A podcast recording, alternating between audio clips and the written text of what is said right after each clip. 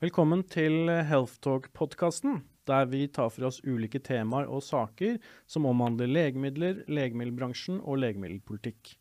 Mitt navn er Lars Brøk Nilsen, eh, og jeg er journalist i Healthtalk. Mer enn 50% av volumet i dagens legemiddelmarked kommer fra generiske og biotilsvarende legemidler. Og bruken av denne typen legemidler sparer hvert år staten og pasientene for flere milliarder kroner. Men hva er status for det generiske og biotilsvarende markedet i dag, og hvordan ser fremtiden ut? Med oss i studio for å snakke om dette har vi i dag Kjetil Berg. Eh, du er daglig leder i interesseorganisasjonen for generiske og biotilsvarende legemidler, som heter Pharma Norge. Velkommen til deg, Kjetil. Takk for det, Lars. Til å begynne med, eh, kan ikke du fortelle oss litt kort om deg og din bakgrunn hva Pharma Norge er, og hva er bakgrunnen for uh, organisasjonens oppstart? Jo, det gjør jeg gjerne. Uh, min bakgrunn er fra legemiddelbransjen. jeg startet opp i 1991, må vi nå tenke litt tilbake, for det er jo ja, 32 år siden. så jeg begynte som legemiddelkonsulent og egentlig innehatt stort sett alle kommersielle roller opp til å være daglig leder for et par selskaper. Og sånn privat uh, så bor jeg litt utenfor uh, Oslo. Jeg bor på Gjøvik uh, sammen med min sønn og så en hund som heter Marte. Så det er for så vidt litt den bakgrunnen som jeg har. Men oppstarten av Pharma Norge, da, hvis, vi, hvis vi tar den, så starter jo egentlig hele prosessen under pandemien. det smalt jo skikkelig i mars i 2020. Eh, norske myndigheter hadde et veldig stort behov for å få inn legemidler til markedet. og Du nevnte litt om den betydningen generiske legemidler har. og Den har kanskje litt enda større betydning i dag enn hva den hadde da. Um, så da var det faktisk en forespørsel fra uh, forskjellige aktører om at vi burde faktisk ha en bransjeorganisasjon for å få det på plass. Og da var det hva skal jeg si, Elling Berg, som er nåværende styreleder i Pharma Norge, som var den generatoren på leverandørsiden, så han tok jo kontakt med enkelte uh, selskaper. Um, og man ble jo da enige om at uh, det her ønsker vi å, å, gjennomføre. Og så fikk jeg en telefon fra Elling her um, ja, det var ganske tidlig i mai måned uh, om at de hadde da potensiell eh, stilling som daglig leder. Eh, jeg kjenner jo Elling litt fra tidligere. Vi har vært harde konkurrenter i markedet. Ja, riktig. Men vært veldig gode og hyggelige kollegaer. Så vi startet da prosessen for å få i gang Pharma Norge. og det enda da opp i at vi hadde et stiftelsesmøte i august i 2020. Fikk alt av vedtekter på plass. Eh, alt av prosesser som uh, man måtte gjennomføre, osv. Mm. Og, og etter det så har, jo, har det jo vært uh, fullt trykk. Uh, det er det ingen tvil om. Spennende å høre om. Uh, når dere starta opp i 2020, så fantes det jo allerede en stor interesseorganisasjon organisasjon for legemiddelselskaper, altså LMI, Legemiddelindustriforeningen. Mm. Hvorfor var det etter deres mening behov for en ny aktør? Kan du gå litt nærmere inn på hva dere kanskje jobbe med som ikke de har jobba med på samme måte? Ja, altså LMI er jo en organisasjon som uh, tradisjonelt uh, og for så vidt har i dag et veldig stort fokus på den innovative delen av uh, markedet. og det er jo vel og bra. men samtidig så er det jo da en stor andel av markedet som også trengs å jobbes med. og det er da inn mot forskjellige aktører, enten det er sykehusinnkjøp, Legemiddelverket, Helse- og omsorgsdepartementet, øh, forskjellige andre foreninger som Apotekforeningen, Grossistforeningen osv. Så, så Så derfor så er det behov for å sette lys på de sakene uh, som er viktige for generisk og biotilsvarende industri, så de faktisk har gode, fornuftige og forutsigbare rammevilkår. Og hva er de sakene? Altså Det er veldig mye. Uh, og jeg tror ikke vi har tid til å gå gjennom absolutt alt. Ta topplista. ja, jeg kan godt gjøre det. Uh, selvfølgelig så er det deler av anbudssystemet i Norge. Uh, og der er det mange forskjellige typer anbud. Man har anbud på hva skal jeg si, biotilsvarende. man har anbud på såkalte basisprodukter, som i hovedsak er generiske produkter. Uh, og man må kanskje innrette de anbudene på en litt annen måte. Uh, for de produktene vi snakker om her, er jo produkter hvor originalen har mistet sitt, uh, sin patent. og da faller prisene relativt dramatisk. så Derfor så er det noe på rammebetingelsessiden på, på anbud. Og så har vi selvfølgelig blåreseptordningen, eh, hvor vi har da et trinnprissystem trimprissystem eh, i Norge. Og hvor Legemiddelverket egentlig regulerer alt av priser. Og det gjør at det også er enkelte utfordringer der. Og så kan jeg også nevne ganske kort etableringen av beredskapslager.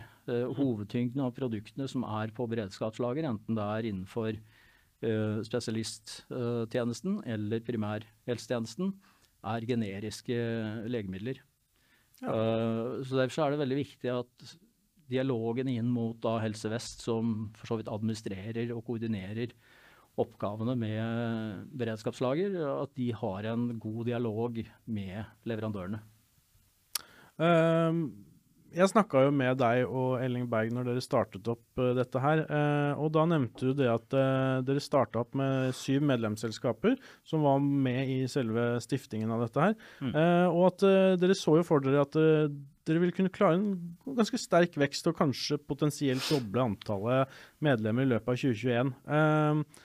kan du si litt, hvor, hvor er dere i dag? Klarte dere målet, og hvor mange medlemmer har dere nå? Ja, Altså Det er mulig jeg var vel optimistisk eh, når, her, eh, når vi dro i gang eh, foreningen. Så per i nå så er vi ni medlemmer. Så vi har egentlig bare økt med, med to medlemmer siden oppstart.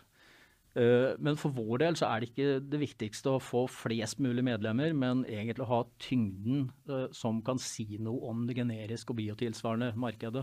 Og Har dere det i dag? Det har vi. Så vi dekker uh, ca. 80 av det generiske og biotilsvarende uh, markedet er medlemmer hos uh, Pharma Norge. Så det er helt fra de si, store aktørene, sånn som f.eks. Sandoz, og helt ned til mindre selskaper som nylig har etablert seg mm. i, i, Norge.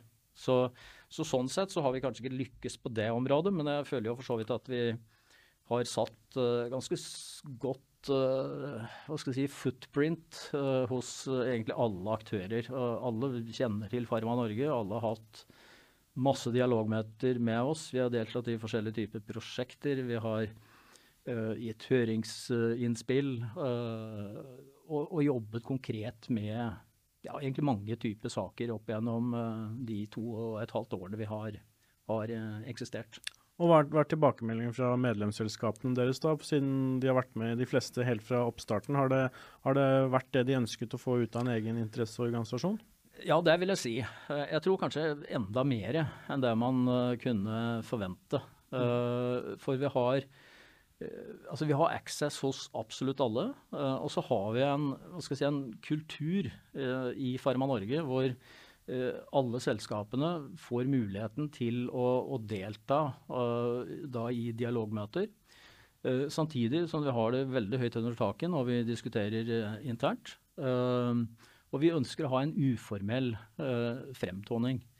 Og så har vi en sånn genuin interesse av at vi skal oppfattes som en positiv organisasjon. Eh, vi skal ikke være de som nødvendigvis eh, skal banke på dørene til HOD eller Legemiddelverket og klage og mase. Altså vi, vi, ønsker å være en konstruktiv samarbeidspartner. Eh, som også kan gjerne komme med forslag som gir besparende effekter for helsevesenet. Og som igjen gir økt pasientbehandling. Men jeg regner jo med at dere har jo noen tanker og ideer om hva som er utfordringene for, for deres aktører i dag.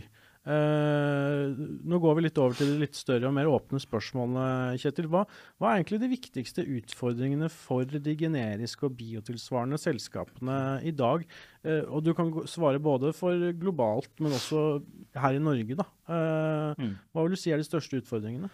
Altså det, det er, jeg, jeg, tror man egentlig må dele det her opp i, i de forskjellige markedene. altså Hvis du ser sånn så sykehusinnkjøp og, og fremtiden med sykehusinnkjøp, Eh, så, så, vil vi få en veldig sterk vekst av uh, biologiske produkter som går av patent. Uh, altså bare frem til 2030 uh, så vil det være ca. 100 substanser som patenten vil forsvinne på. Som i dag har patentbeskyttelse. Riktig. og det er klart, det vil jo medføre en ekstrem økning og et potensial for pasientbehandling. Uh, og noen eksempler der er jo innføringen av uh, biotilsvarende i TNF biomarkedet i sin tid. Det skjedde vel tilbake i, i 2014, hvor jeg for så vidt var en sentral aktør og, og, ledet et av de firmaene som uh, lanserte da et biotilsvarende ja. produkt. For det var litt banebrytende innenfor dette segmentet med anbud og Ja, det var det. Altså, anbud hadde eksistert tidligere, men, men da kommer man jo inn med et Eh, eller da kommer vi med to biotilsvarende produkter eh, i forhold til eh, Infliximab. som da konkurrerte i veldig stor grad på pris. og det medførte jo, og hvis man ser historikken da, og, frem til i dag, så var det sånn ca. 17 000 pasienter sånn totalt sett innenfor TNF biomarkedet, altså innenfor revmatologi og psoriasis og gastroenterologi, eh, så er jo antall pasienter nå ca. 47 000-48 000. Mm. Så det har vært en dramatisk økning.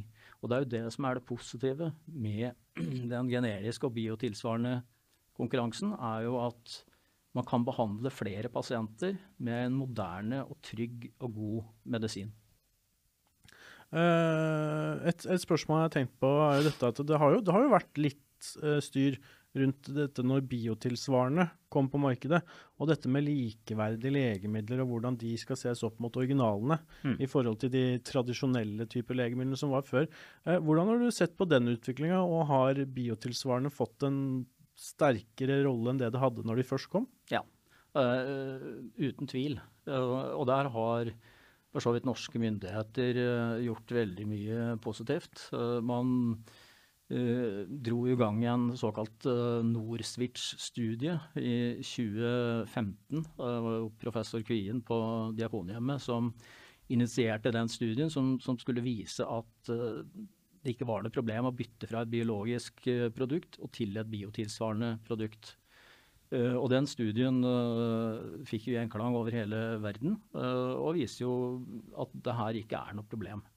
Uh, og det er jo også gjennomført uh, studier i etterkant her hvor uh, også miljøet innenfor revmatologi har vist resultater som tilsier at pasientene også på biotilsvarende går i remisjon. Mm. Så, så, akkurat de, altså de, negative holdningene som man da hadde i, i startfasen, som man også for så vidt opplevde når generika kom inn da Eh, på tidlig 2000-tall, eh, de er jo mer eller mindre borte nå. Eh, så, så, den debatten trenger ikke vi å ta lenger, Nei. for det er fullt ut akseptert. Dere kan konsentrere dere om andre problemstillinger? Det kan vi gjøre, ja. definitivt. så hyggelig. Um, tilbake til når vi snakket sammen i 2020, så sa du dette at mange potensielle medlemsselskaper hos dere ikke hadde dedikerte kontor i Norge. Altså, de hadde kanskje andre steder i Norden, men, men, men ikke dedikert i Norge. Mm. Er situasjonen samme i dag, eller har selskapenes tilstedeværelse endra seg noe i løpet av de siste årene gjennom koronaperioden? Nei, det har egentlig ikke endra seg veldig mye for vår del. Uh, nå er fem av de medlemmene hos oss uh, har kontorer enten i Stockholm eller i København. Så er det da fire som, som holder til uh, i Norge. Um, og, og, og, det er egentlig da få aktører som etablerer en organisasjon innenfor generisk og biotilsvarende i Norge. Mm. man opererer da stort sett ut ifra et type nordisk kontor. Ja. Hvorfor er det slik? Eh, det er nok litt pga. kostnadsbildet. Eh, det er relativt dyrt å få, eh, altså gjøre en etablering i Norge. Samtidig så tror jeg for så vidt at altså de medlemmene som er i Pharma Norge, de ser jo helt åpenbart nytten av å være medlemmer. For de får en kunnskap og et nettverk inn i markedet på en helt annen måte enn de kan klare på egen hånd. Eh, så, så, det er jo også da sitte i København og kunne delta på møter som vi i Pharma Norge initierer. Uh, og mange av de kommer jo fysisk til Norge for å delta uh, på møtene. Men jeg tror verdien er, er, så stor at man ikke ser nødvendigheten. Men, men det er klart at tar man noen av de selskapene som er etablert i Norge, sånn som Orifarm, Orion Pharma, Teva, Viatris, så sitter jo de med personell som har jobbet innenfor det fagområdet her Eh, i kanskje både 20 og 30 år. Eh, og det er klart at de kjenner jo markedet fullt ut, og, og har jo, tror jeg, kanskje en fordel av det. Um, hvis vi går litt inn på interessepolitiske saker, uh, kan, du, kan, du, gå litt mer inn på om det er eksempler på interessepolitiske saker der standpunktene for originalprodusentene og produsentene av generiske og biotilsvarende legemidler Eh, er ulikt? Altså, kan, du, kan, du, gi noen eksempler, så folk kanskje forstår hva som kan skille dere i den type saker? da? Ja, det, det, kan jeg for så vidt prøve. Pharma Norge har jo vært deltakere i altså, den såkalte multisenterstudien for antibiotikaproduksjon. Det var en studie som pågikk i 15 måneder, og det var vel en 14 medlemmer som satt i prosjektgruppen der. Og der var det jo egentlig ganske sterke skal si, Noen sterke skillelinjer, i hvert fall. Og det er klart det er noen miljøer innenfor LMI som da ønsker at man skal produsere kritiske legemidler i Norge. mens Pharma Norge har heller en motsatt tankegang, at vi må faktisk styrke det nordiske og europeiske samarbeidet. for uansett hva som kommer til å skje, så, så er, vil Norge aldri bli selvforsynt. Og Hvis man begynner å plukke litt i, i, markedet og begynner å rote litt rundt i det, så vil det medføre at uh, aktørene innenfor generisk og biotilsvarende de vil da trekke seg gradvis ut. Uh, samtidig så er det jo også et kostnadsspørsmål, og det er også et spørsmål som går på konkurransebetingelser, uh, hvor da eventuelt en statlig eh, finansiering eh, vil være veldig vanskelig. Men det er klart at hvis det er en privat aktør som ønsker å produsere antibiotika i Norge, så, så må de jo gjerne gjøre det. Eh, men de kommer aldri til å tjene penger. Det har vært veldig hyggelig å ha deg, Kjetil. Jeg tenker sånn avslutningsvis, Vi er jo i en spennende periode nå. Det jobbes med en ny prioriteringsmelding hvor man skal liksom se på hvordan vi skal prioritere pengene våre innen det feltet vi, vi, vi snakker om her. Mm. Uh, hva vil være de viktigste sakene for dere nå fremover, og hvordan skulle dere jobbe for å, å styrke, styrke, feltet for deres eh, medlemsselskaper? Mm.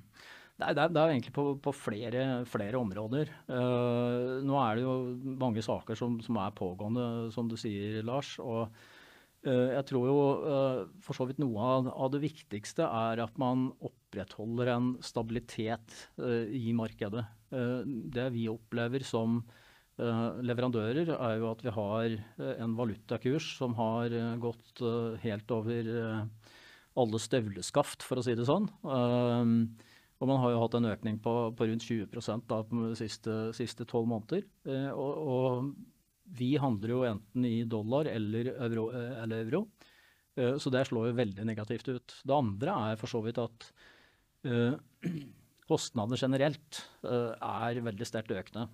Og Det betyr at eh, myndighetene faktisk må gå inn og, og se på noen områder. Og nå er det veldig mye positivt som skjer. Altså Legemiddelverket har etablert en egen, eget lag eller team som bl.a. skal jobbe med antibiotika og også barneformuleringer. De har også gjennomført en Eh, veldig spennende spørreundersøkelse som går på om hvordan vi kan få flere MT-er uh, til Norge, og forhindre at MT-er forsvinner ut av Norge. Markedsføringstillatelser. Riktig, mm. det er det. Så, så, der pågår det masse fornuftig og positivt. Sykehusinnkjøp er også inne på samme si, område, hvor de nå begynner å se at Eh, det begynner å bli få aktører på enkeltprodukter. Og hva kan vi da gjøre? Eh, og ett av virkemidlene som Sykehusinnkjøp da ser på, er jo at man legger opp til f.eks. en priskorridor, eller man sier at det skal være en makspris uh, i anbudet. Mens det da skal være andre kriterier som er avgjørende for valg av produkt. Og at man gjerne, uh, der hvor det er mulig og hvor markedet er stort nok, uh, får flere vinnere. så man faktisk får trygge og fornuftige leveringer til Norge, så at man da forhindrer mangelsituasjoner. Og hvis man bare tar litt sånn blikk internasjonalt, uh, så skjer det også veldig mye. Uh, altså bare i 2022 uh, eh, så har det blitt vedtatt av forskjellige typer generiske og biotilsvarende selskaper at de skal etablere 14 råvarefabrikker i Europa. Og de skal etablere 17 nye produksjonsfabrikker i Europa. Og det vil styrke tilstedeværelsen i Europa, og det vil også styrke leveransene til Norge.